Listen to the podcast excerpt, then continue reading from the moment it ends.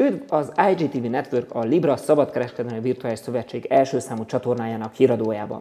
2027. május 2-a van a Szabadság napja. Virtuális államunk legfontosabb ünnepe, mint ismeretes 7 évvel ezelőtt ezen a napon indították útjára a Librát, három éve pedig ezen a napon alapult meg államszövetségünk. Ezt ünnepeljük ma platformjainkon, különleges eseményekkel, de erről később. Először a legfontosabb hírek röviden.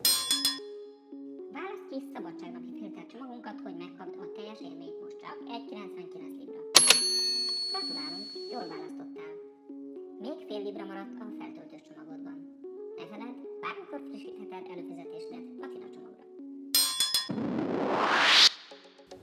Államunk elnöke, Mark Zuckerberg legmagasabb szintű csúcs találkozó keretében fogadta virtuális tárgyalószobájában az Amerikai Egyesült Államok és az Európai Unió elnökeinek avatárját. Zuckerberg először megköszönte a világ harmadik és ötödik legnagyobb gazdaságának vezetőinek, hogy a bejelentkezéshez a legújabb Oculus napszöveget használták, ami egyébként előrendelhető mindössze 999 libra áron. Majd sajnálkozását fejezte ki az miatt, hogy az Amerikai Egyesült Államok és az Európai Unió többszöri halasztás után mégis engedélyezte a Google Cash piacra lépését. A Libra Szabadkereskedelmi Virtuális Szövetség elnöke elmondta, hogy elépés miatt a Libra Szövetség kénytelen volt kivonni befektetéseit az amerikai és az európai állampapírokból. Bejelentette továbbá azt is, hogy a találkozóval egy időben lép életbe a Libra Szövetség felhasználói szerződésének 4.35.11-es verziója, ami megengedi a teljesen virtuális Libra kibocsátását is. Elmondta azt is, hogy az új alapszerződés élesedésével egy időben 2000 milliárd librát bocsátott ki a szövetség. A bejelentések hatására a dollár és az euró ára történelem mélypontokra zuhant. Kritikusok bírálták a csúcs találkozó virtuális környezetét. Többen nem tetszésüket fejezték ki az miatt, hogy Zuckerberg a nyugati világ vezetőinek avatárjait egy olyan virtuális környezetben fogadta, amelyik megszólalásig hasonlított a Fehérház ovális irodájára. A Libra Szövetség moderációs nyomozó irodája kiderítette, hogy a negatív kritikák forrása a Telegram és a WeChat soroshoz köthető titkos csoportjaiban található.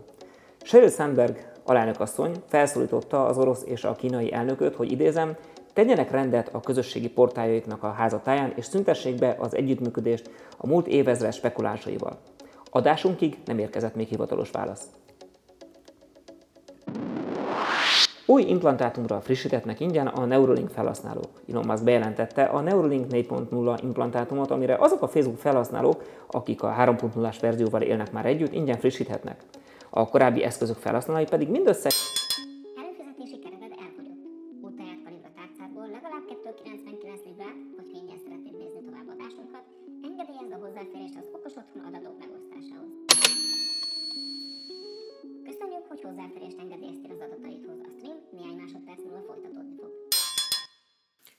kis utopisztikus, vagy inkább nevezünk inkább disztopikus hangjátékot, ami egy jövőbeli képzeletbeli híradót ábrázol. Azért készítettem, hogy egy kicsit rávilágítsak arra, hogy szerintem miről szól az a vita, ami a Libra körül kialakult azóta, hogy ezt június 18-án a Facebook bejelentette. Ugye sokaknak talán furcsa ez egész, hogy most oké, okay, a Facebook be akar vezetni egy fizetés rendszert, van már egy csomó, ott van az Apple Pay, ott van a PayPal, ott van a Samsung Pay, egy csomó minden olyan megoldás ott van, amivel lehet fizetni, akkor most miért okoz olyan nagy közfelháborodást maga ez a Libra, amikor láthatólag a Facebook igyekszik mindent megtenni annak érdekében, hogy bevonjon olyan partnereket, akik az ő hitelét, az ő adatbiztonsággal kapcsolatos hitelességét pótolni, vagy javítani a renoméját is rendbe tudják rakni. Miről szól akkor ez az egész vita? Én azt gondolom, most így röviden, hogy ez egy kicsit a jövőről szól. Ami lehet, hogy furcsa, amikor az elmúlt két napban a szenátusnak különböző bizottságai, meg a kongresszusnak különböző bizottságai, az amerikai kongresszusnak, szenátusnak különböző bizottságai hallgatták meg a Calibra vezetőjét. Ugye a Calibra az a Facebooknak a leányvállalata, amelyik a saját pénztárcáját fogja, digitális pénztárcáját fogja fejleszteni, illetve van a Libra szövetség, amelyik magának ennek a, a kriptopénznek a háttérrendszerét biztosítja, és ennek a Kalibrának a vezetője a David Marcus, aki régen a PayPal-nál volt, aztán a Facebooknak a Messenger csapatát vezette, és kb. egy éve átment ebbe a blockchain terület irányába, aminek most látjuk az első jeleit. Szóval David Marcus kérdezgették a különböző szenátorok, és egy nagyon érdekes dolog körül forgott a legtöbb kérdés, ami nagyjából úgy hangzott, hogy mennyire lesz biztonságos a Libra, mennyire bízhatunk meg a Facebookban, a korábbi botrányok, például a Cambridge Analytica botrány után. Vagy hogyan fogják megakadályozni a pénzmosást, a fegyverkereskedelmet, miért van egyáltalán szükség a librára a dollár mellett, a dollár, dollár helyett, hogyan fog máshogy működni, mint a PayPal, hogyan fogják azonosítani az ügyfeleket, szóval nagyjából ezekről ezek voltak a fókuszban, de én azt gondolom, hogy van itt egy sokkal fontosabb kérdés, amit csak érintőlegesen vettek elő, és ami körül az egésznek kéne forognia, és ez pedig egy vita igazából arról, hogy milyennek képzeljük el a gazdaságnak a jövőjét, ami lehet, hogy nagy szónak hangzik, és pont a Facebookkal kapcsolatban miért kéne itt a jövőről és a gazdaság jövőjéről beszélgetni, de valójában nagyjából az történik, hogy a Facebook és a társai kialakítanak, azt tervezik, hogy kialakítanak egy olyan fizetésrendszert, ami független tud lenni a meglevő fizetési megoldásoktól. Ugye a meglevő fizetési megoldásokat azokat nemzetállamok meg államszövetségek kezelik, ők tudják eldönteni, hogy hogy hogyan akarják befolyásolni, hogy mondjuk akkor a forint, a dollár, az eurónak a, az értékét, azt hogyan akarják, milyen irányba elmozdítani, azért kamatot növelnek, kamatot csökkentenek, beavatkoznak, akár csak szóban is a piacban annak érdekébe, hogy az államok, a kormányok által várt irányba tudjanak mozdulni a dolgok. És akkor ehhez képest jön egy cég, egy cégcsoport tulajdonképpen, akik úgy döntenek, hogy létrehoznak egy saját fizetőeszközt, de nem egy olyan virtuális fizetőeszközt, mint a bitcoin, ami mögött, mögött és most sokkal bitcoin szakértők nyilván meg fognak kövezni, de nincsen olyan jellegű valós érték, ami a valós világhoz közvetlenül kapcsolódik, hiszen a bitcoin az ugye nagyjából arról szól, hogy tényleg nagyon leegyszerűsítve, hogy számítógépek bányásznak valamit, ami gyakorlatilag azt jelenti, hogy algoritmusokat fejtenek meg, és hogyha valaki elég sokat, elég hatékonyan dolgozik, akkor ő kibányászik bitcoint vagy annak valamilyen töredékét, és mivel ebből kevés van, úgy van megírva az egész rendszer és az algoritmus, ezért egyre nehezebb ezt kibányászni, ez is benne van az algoritmusban, nem tud mindenki hozzájutni, és a legtöbb ember ezt csak megvásárolni tudja másoktól, és így lesz egy ilyen virtuális értékből valami fajta valós érték, de az egésznek az alapja az egy algoritmus alapú kódfejtés, tisztán virtuális dolog. Ezzel szemben a Libra az egy stablecoinnak nevezett megoldása alapul, ami arról fog működni, hogy egyrészt hozzá van kötve az értéke egy valuta kosárhoz, másrésztről pedig, hogyha én befizetek mondjuk 5000 forintot, amiből én librát akarok venni, ők ezt befektetik, ezen az 5000 forinton vesznek különböző állampapírokat például, meg más egyéb ilyen viszonylag stabil befektetéseket fognak ebből csinálni, és ha sok-sok-sok ember be elkezd befizetni a librába, akkor elkezd gyűlni ennél egy vagyon. Egy olyan vagyon felett fog uralkodni és felelni ez a Libra szövetség, ami nagyon nagyra tud hízni, ami a mérete kapcsán képes akár befolyásolni gazdaságokat adott esetben, hiszen mondjuk kimerné mondjuk a Facebookot, vagy a, akár az egész szövetséget valami trösztellenes eljárásba elővenni, hogy meg úgy döntenek, hogy na most akkor az, a, az az ország, amelyik éppen bíróságra citálna őket, annak az állampapíraiból kivonják hirtelen az általuk felügyelt pénzösszegeket. Mit lehetne ilyenkor tenni Szóval ilyen jellegű befolyás az, amit például tudnak szerezni ez a Libra szövetség, és ez az egyik ok, ez az egyik probléma az egész helyzettel. Ez az, amitől félnek, és ez az, amiről beszélnek akkor, amikor arról van szó, hogy hát a monetáris biztonságot veszélyezteti ez a Libra. De van egy másik oldal ennek a kérdésnek, ez pedig az, hogy a Libra Szövetség tagjai létrehoznak tulajdonképpen egy hatalmas piaszteret, egy olyan hatalmas belső piaszteret, ami országhatárokon átnyúlik, ami, ami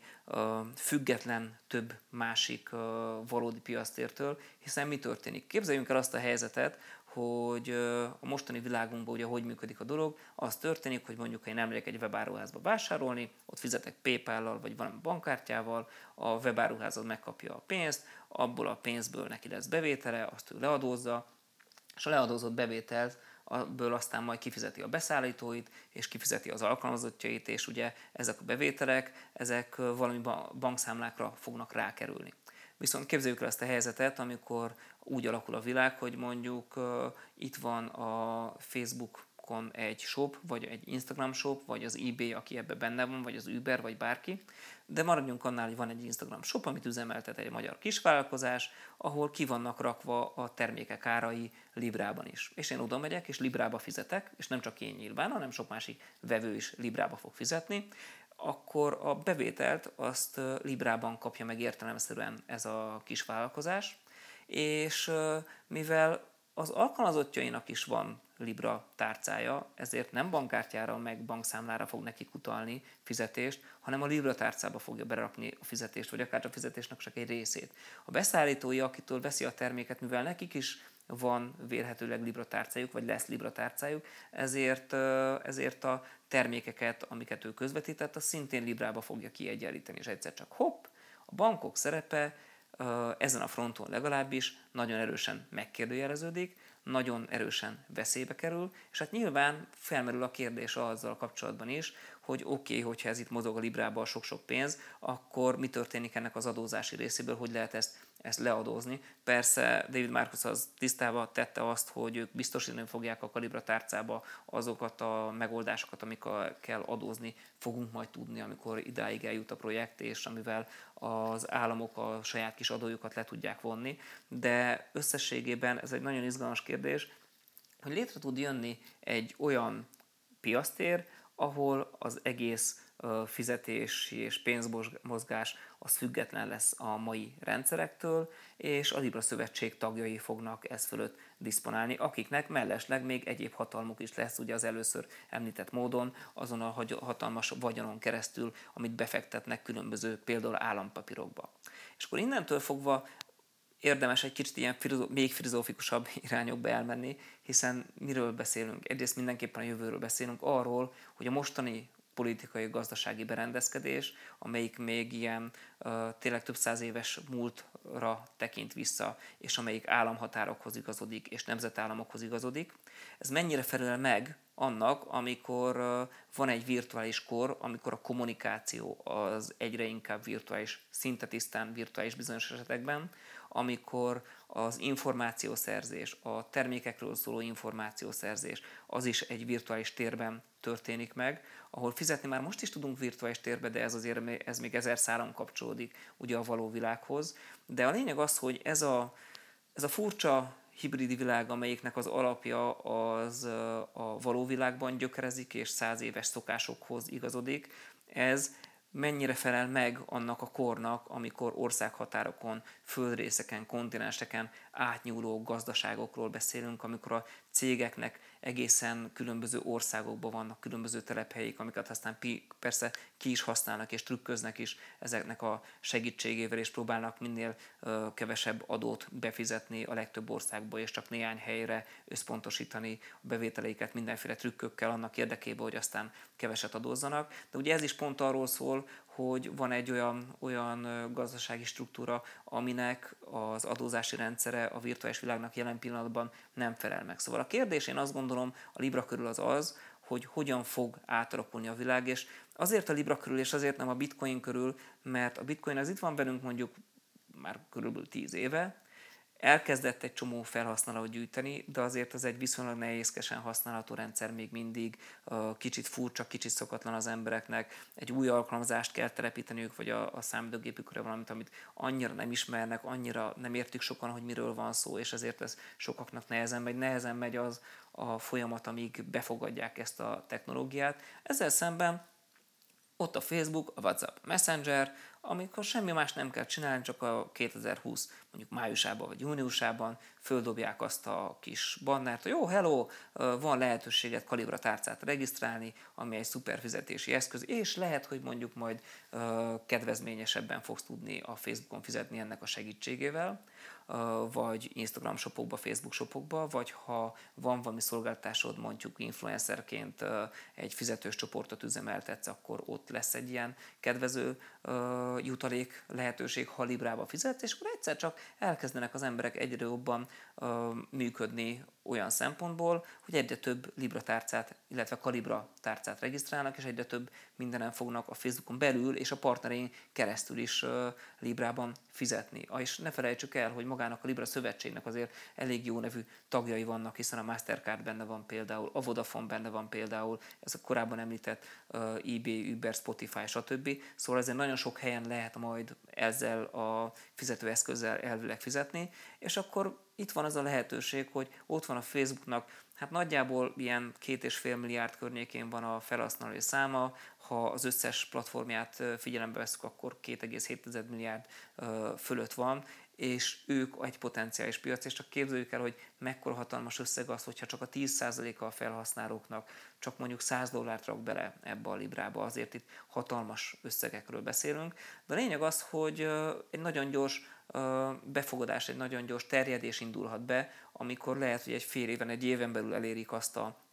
felhasználói tömeget, amit mondjuk a bitcoin most magáénak tud, vagy akár az összes kriptovaluta magáénak tud, és ez az igazi félelem, hogy itt egy nagyon gyors folyamat tud lejátszódni. És a félelem a nemzetállamok részéről nyilván teljesen jogos, hiszen teljesen ott van az, hogy persze, hát ez egy valós kockázat, kéne ezzel nekünk kezdeni valamit, mit tudunk ezzel kezdeni, és elsőre ezek után akár azt mondanánk, hogy hát akkor dobjuk a kukába az egészet, és tilos, és nehogy aztán a Librát vagy bármelyik hasonló megoldást itt engedélyezzenek a nyugati világban. Mert hogy egyébként a keleti világban egy hasonló folyamat már lezajlódott, hiszen Kínában ott van a WeChat, amelyik annyira eluralta a fizetést nem csak az online világban, az offline világban, hogy azok, akik Kínában járnak, szinte mindenki arról számol be, hogy készpénzzel, kártyával alig lehet fizetni, tényleg van, ahol szinte gyakorlatilag lehetetlen, és mindenki a telefonjával fizet, és a WeChat-en keresztül fizet mindenki. Ennek persze ott megvan az állami támogatása, hiszen ott a teljes fizetésrendszer teljesen be van drótozva az állami megfigyelési rendszerbe, ami azért nyilván itt nagyon sok kérdés vet föl a Libra és hasonló későbbi kezdeményezésekkel kapcsolatban is, de van egy ilyen potenciális veszély, és látható, hogy a WeChat-nek a fizetési rendszer nem akar bemaradni Kínán belül, ők azért próbálkoznak kitörni, de azért más országokban azért vannak nehézségeik, de azért egyes afrikai régiókban kezd terjedni a dolog, nyilván nem kis kínai támogatással. Szóval a probléma, illetve a kérdés az, hogy ha vajon a nyugati világ nem engedi a Librát és a más hasonló kezdeményezéseket, amikre számíthatunk a közeljövőben, például a Google-t és a Netflixet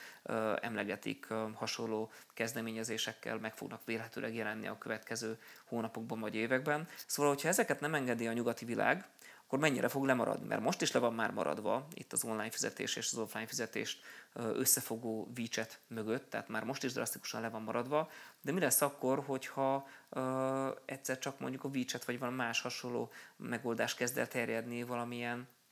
nyugati szempontú megoldás helyett? Az lehet, hogy nagyobb probléma lesz, mint az, hogyha engedélyezik a Librát. Nyilván ez egy kérdés, és ez az egész gondolatfuttatás, amit itt az elmúlt néhány percben előadtam. Ez is egy, egy nagyon sok kérdőjelezet, kérdőjelet tartalmazó téma, úgyhogy erre éppen jelen pillanatban nincsen jó megoldás, de a lényeg az, hogy meg kell értenünk azt, hogy amikor a Libráról beszélünk, akkor az nem arról szól elsősorban, hogy jaj, a Facebook még több felhasználói adatot fog tudni rólunk, hiszen nyilván ez is benne van, és ez is egy kockázat, hanem arról szól, hogy mi lesz a jövőnk, kinek a kezébe, kezébe lesz a jövőfizetés megoldása, változik-e a gazdasági berendezkedés, és én azt gondolom, hogy a következő hetek, hónapoknak a vitája, amikor kiderül az, hogy a Librát engedélyezik, vagy milyen feltételekkel engedélyezik, vagy egyáltalán betiltják, ez, ez mindenről fog szólni, és kimondva, kimondatlanul ezek lesznek azok a témák, amikről uh, szó lesz, illetve amik, amiket meg kell fontolni akkor, amikor valaki arról gondolkodik, hogy ő szeretne Librába fizetni, vagy nem, támogatja ezt a fajta fizetés megoldást, vagy nem. Én így gondolom, hogy ez egy irány, ez egy fontos irány. Én egyébként inkább abba az irányba megyek a, a saját személyes véleményem szerint, hogy igen, szükség van arra, hogy a nemzetállamoktól függetlenül kialakuljanak fizetési megoldások, amiknek nyilván nagyon sok törvénynek meg kell felelni, tehát eznek egy szabályozott megoldásnak kell lennie, de én azt gondolom, hogy inkább támogatom ezeket a megoldásokat. De kíváncsi lennék, hogy te hogy vagy ezzel, ti hogy vagytok ezzel, írjátok meg bátran a blogpost mellett, amihez, ami ehhez a témához csatlakozik, vagy a Facebook oldalunkon, a Facebook post mellett, ami ehhez csatlakozik. Köszönöm szépen, hogy meghallgattatok, és velem voltatok, Léva Iriárd vagyok, a Közösségi Kalandozások blog, illetve podcastnak a szerzője. Köszönöm szépen, írjátok meg a véleményeteket.